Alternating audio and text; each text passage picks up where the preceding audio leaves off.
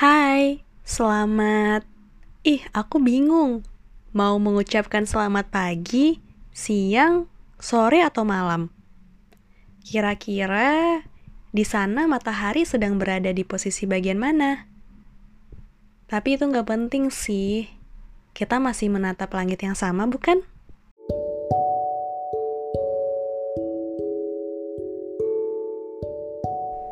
Bicara soal cinta, hal yang rupanya punya banyak warna. Ada yang membiru karena diterpa rindu. Ada yang ikut tenggelam, layaknya langit yang mulai temaram. Padahal, sejatinya cinta itu membahagiakan. Namun, sering kali dikambing hitamkan menjadi rasa sakit karena anggapan ia yang begitu rumit.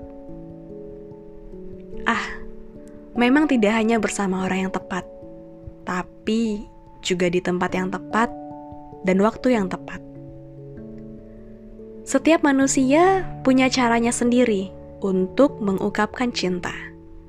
Memang, karena bahasa cinta mereka pun berbeda-beda. Ada yang sengaja merajuk untuk segera dibujuk.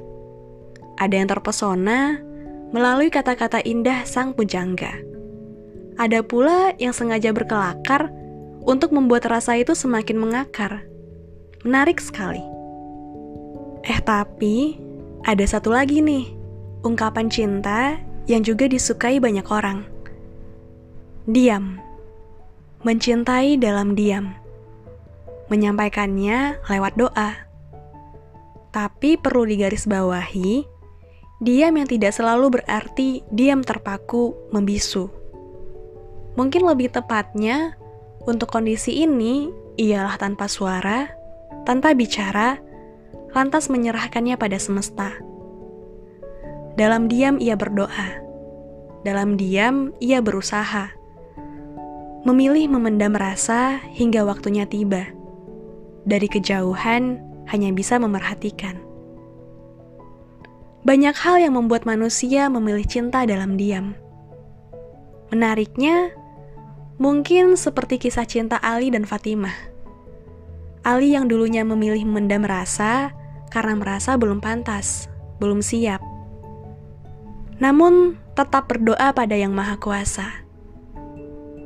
Terdengar kabar bahwa wanita yang diam-diam ia cinta dilamar lelaki lain yang lebih mapan darinya.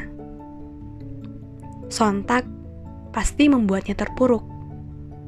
Tapi mungkin di sini berlakunya kalimat kalau jodoh nggak akan ke mana. Ali dan Fatimah memang sudah ditakdirkan untuk bersama. Apa pun yang terjadi, mereka memang akan dipertemukan. Fatimah menolak lamaran tersebut. Lalu Ali memberanikan diri untuk mengungkapkan isi hati.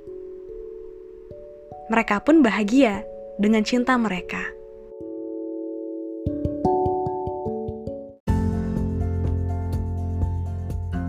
Nah, pertanyaannya sekarang, kamu bagaimana? Masih dalam diam memendam rasa? Benar memang, kalau jodoh nggak akan ke mana. Tapi kan, kita tetap mesti berusaha. Dan jangan lupa berdoa. Semoga rasa cinta yang kamu pendam berlabuh pada dermaga yang kamu idamkan. thank you